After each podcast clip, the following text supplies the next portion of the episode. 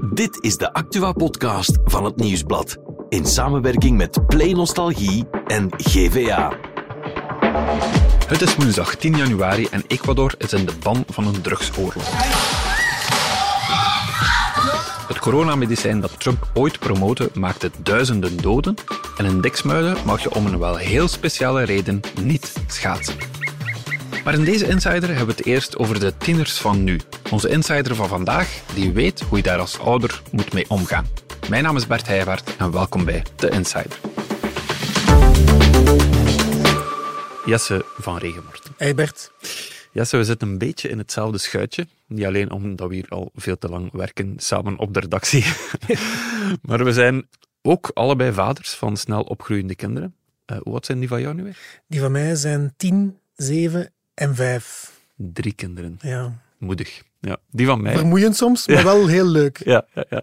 Uh, die van mij zijn elf en acht, twee dochters. En uh, ja, het gaat vooral over die twee oudste kinderen. Mhm. Uh, die van tien en elf, daar gaan we het vandaag over hebben. Ze staan aan de rand van hun puberteit, van hun tienerjaren. En dat voelen we allebei wel een beetje. Ja, ik, ik voelde het van de week. Um, mijn dochter wou met de twee jongens gaan voetballen in het park even en ze maken zich allemaal klaar. Dat duurt tien minuten. Ze hebben allemaal ja. sportieve kleren aan, die een bal vast. En opeens zegt Noor, goh, mijn, mijn, mijn schoenen die passen niet goed bij mijn joggingbroek. Ik vind dat niet mooi. Ik ga toch niet mee. Ik zeg dat tegen haar van, alleen Noor, je ziet er dat wel goed uit. uit. Ja. En twee, dat maakt niet uit. En drie, je stelt je broers een beetje teleur, want jij wilt mij naar buiten gaan en nu zeg je, ik ga niet mee. En zij zij stormt naar boven, maar zo echt op de trap. Bam, bam, bam, bam, bam, papa. En ik voelde op dat moment van, oh shit, het is begonnen. Het is begonnen, ja, ja. Ja, ja. Er staan ons nog heftige jaren te wachten. Maar gelukkig ben jij op interview geweest met iemand die er alles van weet. En weten we nu eigenlijk ja, wat we gaan moeten doen hè, de komende jaren? Want jij bent Sarah van Gijzegem gaan interviewen. Oh ja, Sarah van Gijzegem. Zij werkt voor de Gezinsbond. En zij is al jarenlang bezig met uh, opvoeding en opvoedingstips geven. Uh, met name rond uh, pubers en tieners. Ja. En ze heeft nu het boek uitgebracht Typisch Tieners van Nu. Ja, een praktische opvoedingsgids voor ouders over social media, uitgaan, seks, gedrag, drugs, alcohol. Het kan niet meer misgaan de komende jaren, Jesse. Hè? We gaan ja, alles... nee, je moet gewoon maar dat boek bij de hand pakken. Ja, en het komt in orde. alles ja. komt in orde. Maar het, uh, het grappige is, zij had dat boek al een keer geschreven in 2016. Ah bon? Ja. Acht jaar geleden, uh, typisch tieners. Ja. Ook een uh, praktische en Zonder de van nu erna. Ja. ja, alleen zij was dat boek aan het herlezen onlangs en ze merkte hoe gedateerd dat dat overkwam. En ze kwam tot de conclusie van, amai, die leefwereld van die tieners is op een paar jaar tijd zo hard veranderd. Dus heeft ze dat boek ja, geüpdate en Opnieuw herschreven ja, eigenlijk. Ja. Ja, ik vond dat echt een beetje, een beetje chockerend dat dat zo oud overkwam. Ik, had, ik had toen echt mijn best gedaan om heel erg uh, mee te zijn en bij de tijd en alle trends die toen leefden. En ik weet dat dat snel verandert, maar toen ik dat boek inderdaad nu vastnam, dacht ik, oh shit, wat is dit? Ja, dat was zo, ik ga niet zeggen prehistorie, maar ik kwam echt, mijn kinderen zouden zeggen, oh crash was dat. Jesse, mijn dochter, heeft intussen een smartphone gekregen bij kerstmis. Het was onvermijdelijk, moet ik zeggen. Ze is elf jaar, zesde leerjaar. En dan, ja, dan weten, op een bepaald moment moeten we eraan beginnen. Maar in één klap is heel haar wereld veranderd. Dat is echt maf. Um, ineens heeft zij contact opnieuw met vriendinnen dat ze vijf jaar geleden voor het laatst heeft gezien. Uh, ze, heeft, uh, ze kijkt tv op haar gsm. Uh, en dat is zo alles overheersend dat dat wel een beetje beangstigend wordt. Ja. ja, ik begrijp het wel. Mijn dochter heeft nog geen gsm, ze heeft wel een tablet en ze heeft ook een vriendje. En op school, die spreken eigenlijk niet echt met elkaar, maar thuis zit ze dan wel met hem te chatten en, en ze Ah, zouden echt? dat uren Ja. doen als je ze laat doen. Dus, dus, Dus dat, is- dat is alleen wel het gek. online vriendje dan. Ja. Ja, en hun, hun leven speelt zich voor een groot stuk daar af. Ehm, en dat heeft Sarah van Gijzegem heeft dat zelf ook ervaren, uiteraard. Ze heeft zelf drie kinderen. Twee zijn nu al de twintig gepasseerd. De jongste is 15, dus Ja. ze zit nog met ene puber thuis. Misschien ook leuk om te vermelden, ze is de mama van een BV eigenlijk. Hè? Van Aaron Blommaert. Ja, ja inderdaad. Ja, ja. Maar die is al ja, de zijn- jaren voorbij. Die is zijn eh, puberteit al ontgroeid natuurlijk. En zij heeft gemerkt, toen dat ze dat eerste boek schreef, acht jaar geleden, werd er heel sterk gehamerd op schermtijd. Beperkte schermtijd. Ja. Hè, voor een kind van 10 jaar maximaal anderhalf uur per dag. Een kind van 12 jaar maximaal twee uur. En zij schrijft nu, en ze vertelt dat ook, ja, voor een kind van vijf jaar dat even met zijn tablet bezig is, kun je dat zeggen. Zo lang, dat is Een uurtje, puur ja, amusement en gedaan. Maar een tiener die een gsm heeft, dat scherm is verweven met alles in zijn of haar leven. Ze, ze kopen een ticketje voor de bus met de gsm. Ze maken hun huiswerk. Ze communiceren met andere leden van het gezin. Ze vinden daar hun, hun communicatie en hun sociaal leven en hun ontspanning. Dan kun je bijna niet meer zeggen twee uur per dag en gedaan. Het is zo verweven met alles, huiswerk, vrienden, uw wegzoeken, uw treintickets, dat dat heel moeilijk is om dat bijvoorbeeld in te stellen op een smartphone. Ah, mijn kind van 12, ik zeg nu maar, mag een uur en een half. Ah ja, en als hij dan op een trein zit en hij heeft vertraging en hij snapt het, dus dat gaat gewoon niet. Dus de aanbevelingen die daar nu in gegeven worden, zijn eerder van zorg in uw gezin ook eens voor schermvrije tijd. Dat je echt zegt van jongens, vanavond niet. Zondagochtend niet. Echt duidelijk zorgen dat er zo eens een paar uur zijn waarin dat je samen of apart ook wel eens andere dingen kunt ontdekken.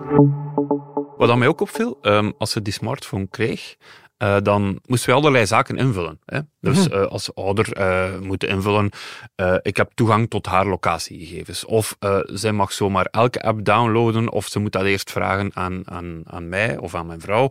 En ja, dan sta je plots voor de keuze, ja, je kunt dat online leven enorm gaan controleren, of je kunt ze daar zomaar vrij in laten loslopen. Wat zegt Sarah daarover? Wel, ik denk ten eerste dat er een verschil is tussen een, eh, een kind van 11 en een van 14. Ja. Natuurlijk. Ehm, wat, dat, wat dat Sarah bijvoorbeeld aanhaalde, die van nu zit ze al op TikTok. Nee, nee, nee. nee. Ah, Wel, toen dat ze de eerste boek schreef, was dat iets in, in de marge. Toen heette die een app nog Musically. En Ja, ze schreef erover, oh, leuk, leuk appje om muziekvideootjes te Ja, maken. ja. Vandaag is dat TikTok geworden. En dat is voor alle tieners, denk ik, hun go-to-app. Ze vinden daar alles. Ze halen daar hun nieuws. Maar er is ook veel nepnieuws. Eh, ze kunnen daar in een bubbel terechtkomen door dat algoritme. Als ze zich slecht voelen in hun vel of, of een beetje eh, het gevoel hebben dat ze wat overgewicht hebben. Als ze alleen maar filmpjes daarover gaan, gaan bekijken, dan kan dat, dat slecht zelfbeeld maar ja, versterken ja, en versterken en versterken. En dan heeft dat niet zo'n gezonde invloed. Daar zegt zij over, installeer die een app gewoon ook zelf. Niet om zelf cringe video's te gaan maken waar dat uw zoon of dochter zich over Dat zou ik dan wel doen om haar even te pesten eigenlijk. Ja, dat kan ik mij wel voorstellen. maar wel om u in te leven in die leefwereld. Om die wereld te te weten, kennen, ja. waar zijn zij? Ze, ze maakt de vergelijking als uw dochter drie uur per dag, want die gasten zitten soms drie uur per dag op die app. Als ze drie uur per dag bij een ander gezin thuis zit, dan wil je ook wel weten wie zijn die mensen. Ja, ja, ja, ja, dat is waar. Je wilt ook wel weten waar ze terecht komt. Maar ehm, controleert ze haar eigen kinderen dan? Als hij zegt, je moet niet achter hun rug door hun gsm gaan scrollen en zien welke video's hebben ze allemaal bekeken en waar zijn ze mee bezig. Maar één, ken die app. Twee, check een keer af en toe samen met uw kind van... eh, ja, waar, waar, waar, waar zitten naar te kijken? Waar, waar gaat dat over? Als dat gaat over schattige puppies, dan weten we wel dat het safe is. En drie, spreek er ook over. Ja. En dat gaat bij alles terugkomen. Hè. Probeer het gesprek met uw tieners, ook al wordt het moeilijk, probeer dat open te houden. Niet gemakkelijk. Niet gemakkelijk. Nu, ehm, als ouder heb ik ook wel de neiging om mijn dochter te beschermen tegen, tegen social media vooral. We weten allemaal hoe verslavend dat, dat is. Hoe, ja, pff, hoe- verkeerd dat ook kan lopen. Hoe een verkeerd wereldbeeld eh, dat kan scheppen voor hen. Ehm, Meta, het moederbedrijf van, van Facebook en zo, is onlangs nog aangeklaagd in de VS, omdat Ja. ze psychische schade bij jongeren zouden veroorzaken. Dus ja, dan, is, dan stel ik me toch de vraag van, moeten wij hen daar niet tegen beschermen als ouder? Maar ik denk dat het ten dag van vandaag heel moeilijk wordt om tegen uw kind te zeggen van ja, voor uw veertien blijf de weg van social media. Ja, Is dat niet zo dat Bill Gates en zo destijds tegen zijn kinderen heeft gezegd? Ja, nog, blijkbaar. Voor, Ja. voor zo'n een tech-miljardair is, dat, Ja. is dat misschien een vreemde beslissing. Maar dat, zijn natuurlijk, dat is de schaduwkant van die social media. Langs de andere kant ehm, zitten er in dat boek ook een aantal wetenschappers, pedagogen, eh, Pedro de Bruiker onder andere, Mhm. die vertelt van... Ja, Tegelijkertijd is dat ook wel de plek waar ze in contact treden met hun leeftijdsgenoten, waar dat ze een, een vriendengroep opbouwen, waar dat ze hun identiteit voor een stuk opbouwen, waar dat ze zichzelf presenteren aan de wereld en waar dat ze feedback krijgen. Ja. En dat kan ongezonde vormen aannemen, uiteraard. Maar dat kan in het echte leven ook zo zijn. In, in het echte leven kunnen ze ook gepest worden. Het gaat er eerder dan dat te verbieden over om er op een gezonde manier mee om te gaan en voeling te houden met de leefwereld van uw zoon of dochter en, en erover te spreken als je voelt dat ze niet goed in hun vel Ja. zitten. Ja. Nu, als we het hebben over tieners en hun leefwereld, hebben we het heel vaak over social media. Ehm, soms denk ik van, goh, moeten we niet gewoon mooie natuurwandelingen met hen maken en laten zien hoe schoon dat de buitenwereld is? Uw dochter zal u graag zien komen. Nee, ze gaan mij echt niet graag zien komen. Nee. ik zeg, kom, we gaan eens drie uur per dag gaan stappen. Ah, wel, maar, maar dat, dat is wel effectief. Je hebt gelijk. Want als schermtijd op zich misschien een achterhaald concept is, wil dat niet zeggen dat het oké is om elk uur van elke dag op dat scherm te zitten. Mhm. Uiteraard is dat ongezond. Dat voelde jij ook aan, ik voel dat ook aan. Dus het gaat er voor een stuk ook om om schermvrije tijd te organiseren. Zorg dat uw kind niet alleen een, een sociaal netwerk en hobby's heeft of ontspanning heeft Ja. online of op dat scherm, maar zorgt dat ze ook naar de scouts gaan, gaan voetballen, andere sporten doen, eh, leuke dingen doen. En als gezin organiseer ook dingen zoals in het bos gaan wandelen als je dat graag doet, maar activiteiten waarbij dat, dat scherm even aan de kant kan. Ja, ik zoek nog een alternatief voor de boswandeling. Ik zou dat doen, ja. Dat bewustzijn daar zat in dat boek echt nog niet. Terwijl, allee, ik zit tamelijk wel op de eerste rij als het over die, die, die bewegingen gaat. En toch schrok ik daarvan. Hoe, ja, ik sprak toch nog tamelijk stereotyp. Ah, wel, en, en dus, dus dat gaat dus meer dan over geaardheid of oriëntatie. Gaat het over ehm, identificatie, of hoe zei jij het daarnet? Eh, genderidentiteit ook. Yes, ik moet zeggen, als het over dit onderwerp gaat, dan voel ik mij al een beetje oud. Ehm, wij zijn kinderen van de jaren 90 opgegroeid in de jaren 90. En toen was eigenlijk, ja, dat waren de jaren waarin homoseksualiteit bespreekbaar werd, waarin dat taboe doorbroken werd. Maar eigenlijk ja, gaat het daar al niet meer over vandaag de dag. Sarah van Gijzegem zegt dat hè, in haar eerste versie van haar boek. Sprak ze erover dat het misschien mogelijk is dat uw tiener valt voor iemand van het, van het andere geslacht. En dat het belangrijk is om daar voor open te staan. erover. Ja, Praat ja, erover, ja. sta daar voor open. Eh, het kan zijn dat hij dat die heteroseksueel is, homoseksueel, biseksueel. Eh, sta daar voor open. Mhm. Maar eigenlijk zegt ze nu van ja, dat, dat blijft nog wel heel erg steken in een hokjesdenken dat al lang niet meer het denken van die tieners is. En hoe denken ze nu dan? Zij denken niet in termen van geaardheid, wel in termen van genderidentiteit. Ja? En dat kan, dat, dat kan alle kanten uitgaan, Ja. maar niet ik ben, ik ben hetero of ik ben homo. Eh, Dat viel mij heel erg op. Ken je het programma jaren 90 voor, eh, voor tieners? Van, van Steven van Herwegen? Ik ken het van ver. Ja, wel, een fantastisch programma. En daarin zat een jonge gast die, ehm, ik denk dat hij 16, 17 jaar is. eh, en die zei, ja, ik weet het nog niet. eh, ik laat het wel op me afkomen. Ik ben al eens verliefd geweest op een jongen. Nu ben ik eh, verliefd op een meisje. Ja, we zullen wel zien. En ik dacht, amai, destijds, allee, voor ons eh, was dat onmogelijk geweest om zo daar heel losjes mee om te gaan en zo te denken. ja, maar toch? dat typeert denk ik echt de houding van tieners vandaag Ja, daarin. En wat wel overeind blijft, is de houding als ouder van kijk, ik sta er voor open. ja, Het is oké. En daar verwijst Sarah van Gijsgem van... ehm, als je samen naar tv aan het kijken bent bijvoorbeeld, en het gaat over eh, LGBTQI thema's.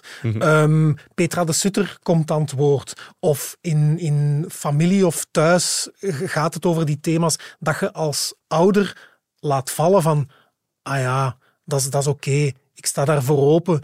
En dat Dus Als- wij moeten samen met onze tienerdochters naar familie of thuis kijken eigenlijk. Sarah van Gijzegem zegt dat natuurlijk omdat ze reclame wil maken voor haar zoon Aram Blommaert, die meespeelt in familie. Maar ze meent dat ook wel voor een Ja. stukje in die zin dat ze, dat ze zegt, als je zo'n opmerking geeft tegen een tiener die heel diep aan het worstelen is met zijn eigen genderidentiteit, dat dat een houvast kan bieden. En dat je weet van, ah ja, ik kan bij mijn ouders terecht daarmee en ze gaan niet oordelen over hoe dat ik daarin sta, dan doet dat heel Je veel. moet dus niet het officiële grote gesprek aangaan van zeg eens, zoon, dochter, hoe zit het met je genderidentiteit? Zo werkt het niet. Zo werkt het niet. Als je het, als je het heel officieel en groot gaat maken, dan wordt dat gesprek ook gewoon moeilijker. Dan, dan, Ja. dan, wordt, dat, dan wordt dat een beetje gênant misschien. Ja. Dus zegt Sarah ook van, als je een keer samen aan het afwassen bent, of je rijdt samen richting hobby, begint daar even over in, in een gesprek dat al gaande is. Ja. Maak dat niet te groot, maar laat gewoon weten dat het bespreekbaar is. Ja, oké. Nu, als het over eh, seksualiteit gaat, eh, sexting is nog zoiets dat eigenlijk ja,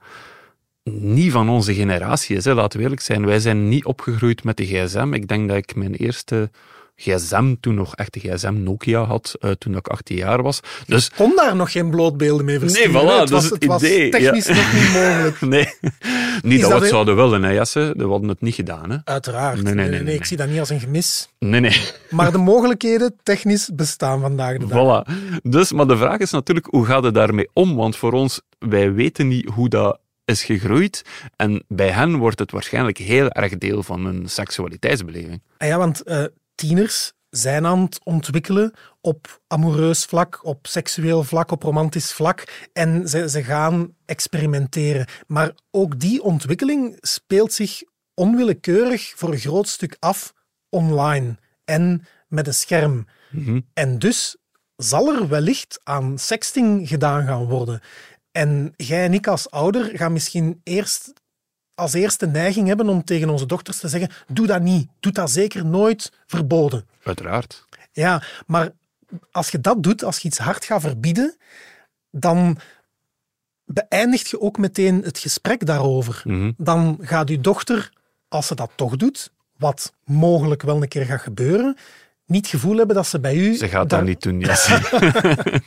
Stel, in de hele, Iemand anders zijn dochter. We de praten hele- over iemand anders ja, zijn dochter. de Ja. hele kleine kans dat ze het wel doet, dan, dan moet ze ook daar het gevoel hebben dat ze bij u terecht kan. Dus in plaats van het hard te verbieden, geef richtlijnen mee, geef Ja. tips mee.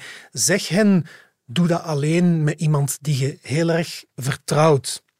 Maak daar afspraken over. Als je doet, zorg dat je beelden doorstuurt waarop dat je niet herkenbaar bent, waar je gezicht niet op te zien is, of waar dat je niet poseert voor een kast vol familiefoto's of zo. Als die beelden dan in verkeerde handen komen, dat je daar niet één op één mee kunt gelinkt worden. En dat is, dat is een houding die, die, ze, ehm, die Sarah van Gijzegem wil aannemen in verschillende thema's. Hè. Ook Ja. als het over drugs gaat, bijvoorbeeld. Ja, ja, ja, ja. ja. Sluit het niet volledig af, want Ja, als je het voilà. verbiedt... Ja, oké. Als uw zoon afkomt van oh, ik heb een joint gesmoord en dat was kei tof. Als je dan kwaad wordt en zegt ik wil dat je dat nooit meer doet, drugs zijn fout, punt. Mhm. Je mag dat dan nog wel denken en dat, dat kan misschien ook wel zo zijn, maar opnieuw dan sluiten dat gesprek af.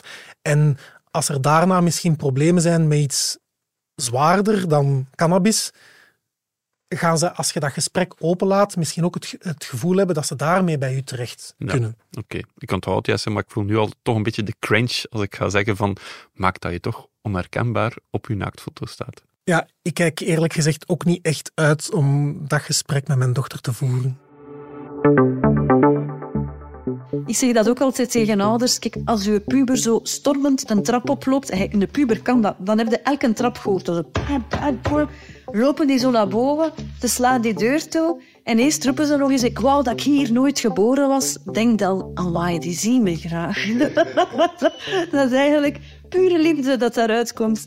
Ehm, nee, maar dat is echt belangrijk. Van, jij zijt thuis een oefenterrein. Uw gezin, dat is het oefenterrein voor het leven buiten. En al wat ze bij u doen, discussiëren, rebelleren, ehm elkaar tegenspreken, het is uithangen, een, een grens overtreden, eigenlijk is dat vrij goed dat ze dat, dat, ze dat thuis doen. Hè. Dat is een oefening van hoe reageren mensen daarop, hoe, hoe krijg ik mijn boodschap verteld. Dus dat is eigenlijk super waardevol. Jesse, dit is nu al mijn favoriete quote van het interview, want dan hebben wij een wapen in handen. Als het nog een keer ruzie is, kunnen wij gewoon zeggen, nee, maar ik weet dat je nu tegen mij roept, gewoon omdat je je vader graag ziet. Elke keer als mijn dochter vanaf nu stampvoetend de trap gaat opgaan, ga ik zeggen, dank u schat, ik zie je ook graag. Oh, prachtig. Heerlijke momenten gaan dat zijn. Maar is het zo?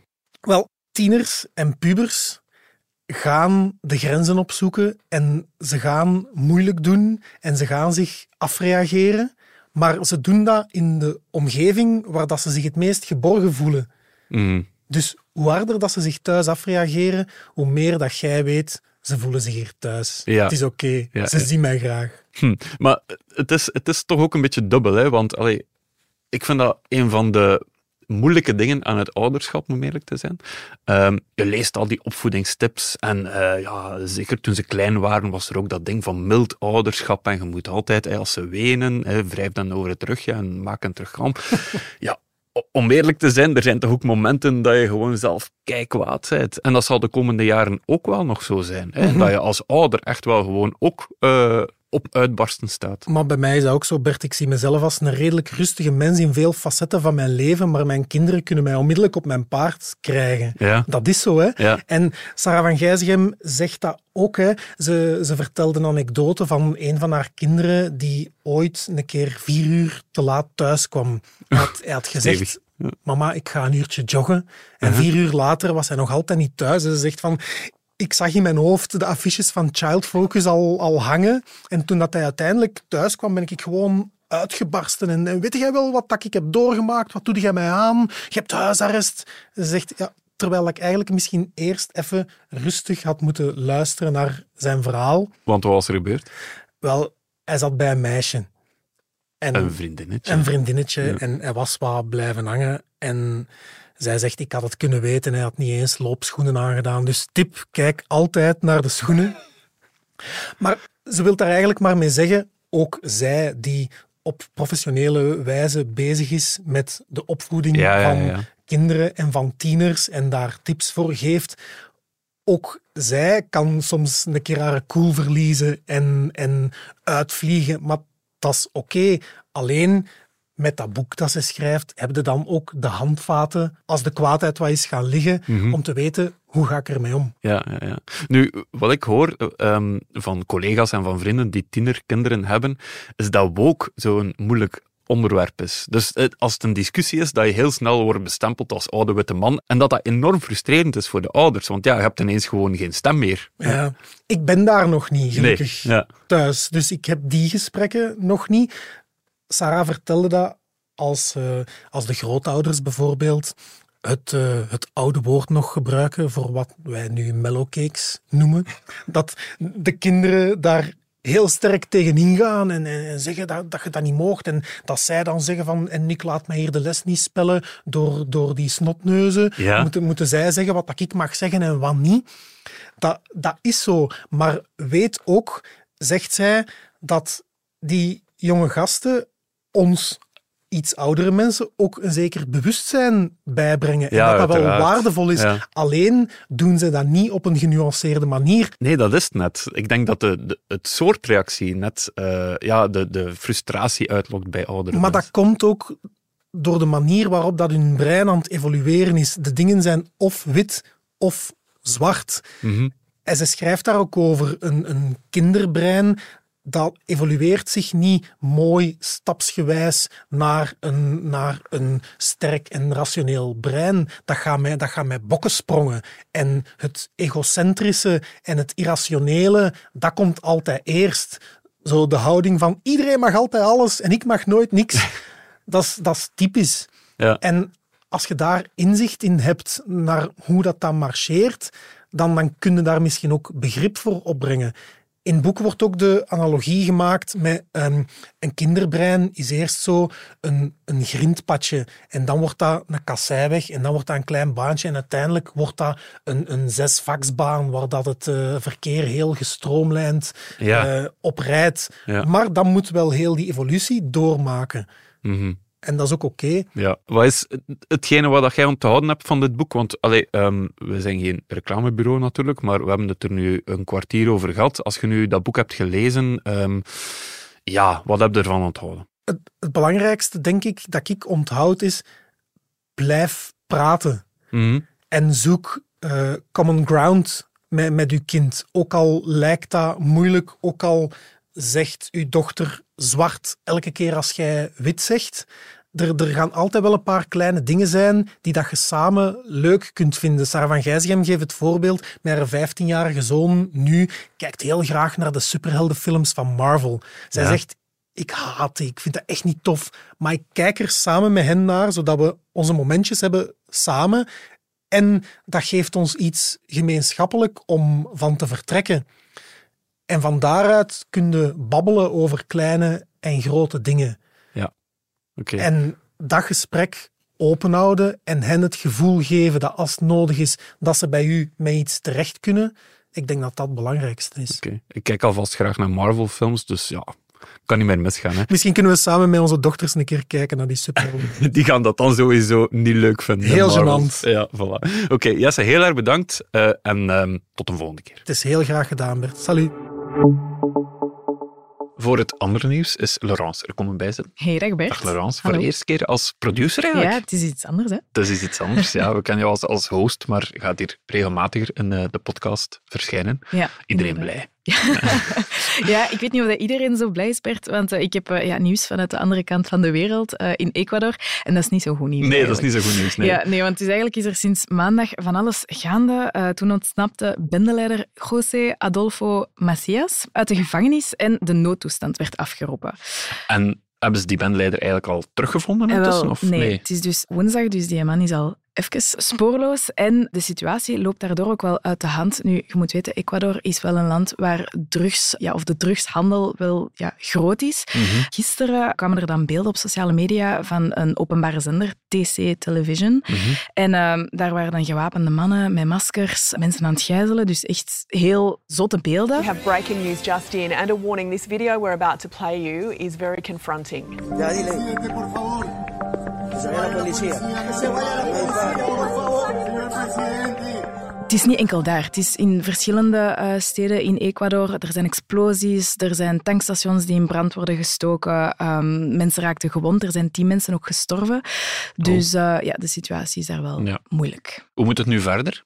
Ja, dus je moet weten, daar is een kerstverse president, Daniel Noboa. Uh, die zit daar eigenlijk twee maanden. En, Oei, ja, dat is geen leuke start voor ja, hem. en ook, hij heeft eigenlijk gewonnen uh, omdat hij ook de belofte maakte van die bendes, ik ga daar, uh, dat gaat gedaan zijn met Ga mij. ze aanpakken, ja. Ja, en Mm. dus nu is het wel heel intens, maar hij laat er wel geen gras over groeien. Um, hij riep dinsdag een staat van intern gewapend conflict uit en dat wil eigenlijk zeggen dat het leger um, kan ingrijpen.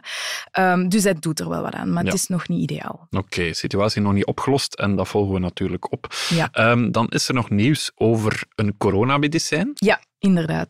Corona ehm, leek ver weg. Het is nog altijd een beetje hier, maar het is niet meer zo dodelijk. Maar er was een tijd waarin het dat wel was. Ja, inderdaad. En eh, ik weet niet of je het nog weet, maar in het begin van de pandemie was er een medicijn dat werd aangekondigd als het redmiddel voor mensen die heel zwaar ziek worden. En ik ga het nu even aflezen, want het is moeilijk om uit te spreken. Hydroxychloroquine. HCQ. Ja, dat is misschien iets gemakkelijker. en dat werd aan gegeven en er werd gedacht dat kan helpen bij COVID. Ja. Ehm, je kent het misschien omdat Donald Trump het ook uh, Ja, ja, die had dat gepromoot. Ja. Voilà, die vond dat een fantastisch middel. Maar nu blijkt uit een Franse studie dat het medicijn toch niet zo goed was. Uh, daaruit, ja, daaruit blijkt dat um, 11% meer kans uh, maakte om te overlijden dan wie het niet kreeg. Oei, en hebben wij dat eigenlijk in België ook gegeven? En wel, ja, en uh, sommige virologen promoten het ook, uh, dus dat is nu wel wat stom natuurlijk. Uh, maar opvallend genoeg tonen analyses aan dat het in België eigenlijk best goed meeviel qua ja, effect daarvan. En Mhm. dat zou eigenlijk komen omdat we de dosering kleiner gaven. Dus mensen kregen het in mindere mate binnen, waardoor het toch eigenlijk wel goed geholpen zou hebben. Anderzijds zou het ook kunnen liggen aan de statistieken. dat het Ja. zo goed werkte bij ons. Die statistieken en corona, dat was ook iets speciaals. Ja. Goed, nog even naar de regio, want we zijn al een tijdje bezig in deze podcast, Ja. maar eh Swat, we hebben wel nog een heel goed verhaal uit de regio. Vertel eens. Ja, inderdaad. We moeten eventjes naar Diksmuiden. Bert, ik weet niet, schaatst jij graag? Ja, maar mag dat nu al? Eh, wel. Is dat dik genoeg? Ja, nee, eigenlijk niet. Maar ook zeker en vast niet in Diksmuiden. Ehm, ja, daar is een natuurgebied, eh, de Blankaart. Mhm. En de conservator roept op om weg te blijven, want dan kunnen we de rust van Betty en Paul verstoren. En Ja. ik zie je al kijken. Wie Ja, we zijn- met die Paul. En wel, Betty en Paul zijn zeearenden. Ah, En, eh, ik dacht zo die- twee oude mensen op een bankje of zo. Ja, nee, nee, het zijn vogels dus. en die zitten daar eh, hun nestje te bouwen in een boom, eh Mhm. vlak bij de vijver, waar mensen wel eens graag gaan schaatsen. Nu, die bouwwerken die duren wel nog even tot ehm, februari. En de bedoeling is dat ze dat in alle rust kunnen doen, omdat ze dan ook moeten broeden. Ja. En je denkt, ja, de vogels doen Kunnen ze niet ergens anders gaan broeden? Voilà, hoe maar- speciaal is dat? Ja, dat is super speciaal eigenlijk, want dat is al eeuwen geleden dat dat gebeurd is eh, in ons land. En dus ja, we zouden natuurlijk graag kleine baby zeearendjes eh, Ja, want zien. dat is, dat is toch een gigantisch beest, zo'n zeearend? Dat is zo, hè, met dat wit hoofd, eh, grote snavel en gigantische vleugels. Ja, ja. Supermooie vogels, dus we willen er natuurlijk meer zien. Hè? Oké, leven Betty en Paul, we gaan hen op het gemak laten vogelen. hè? Inderdaad, laat ze doen. Oké, goed. Merci Laurence. En Graag gedaan. morgen zijn we er opnieuw met een nieuwe Insider.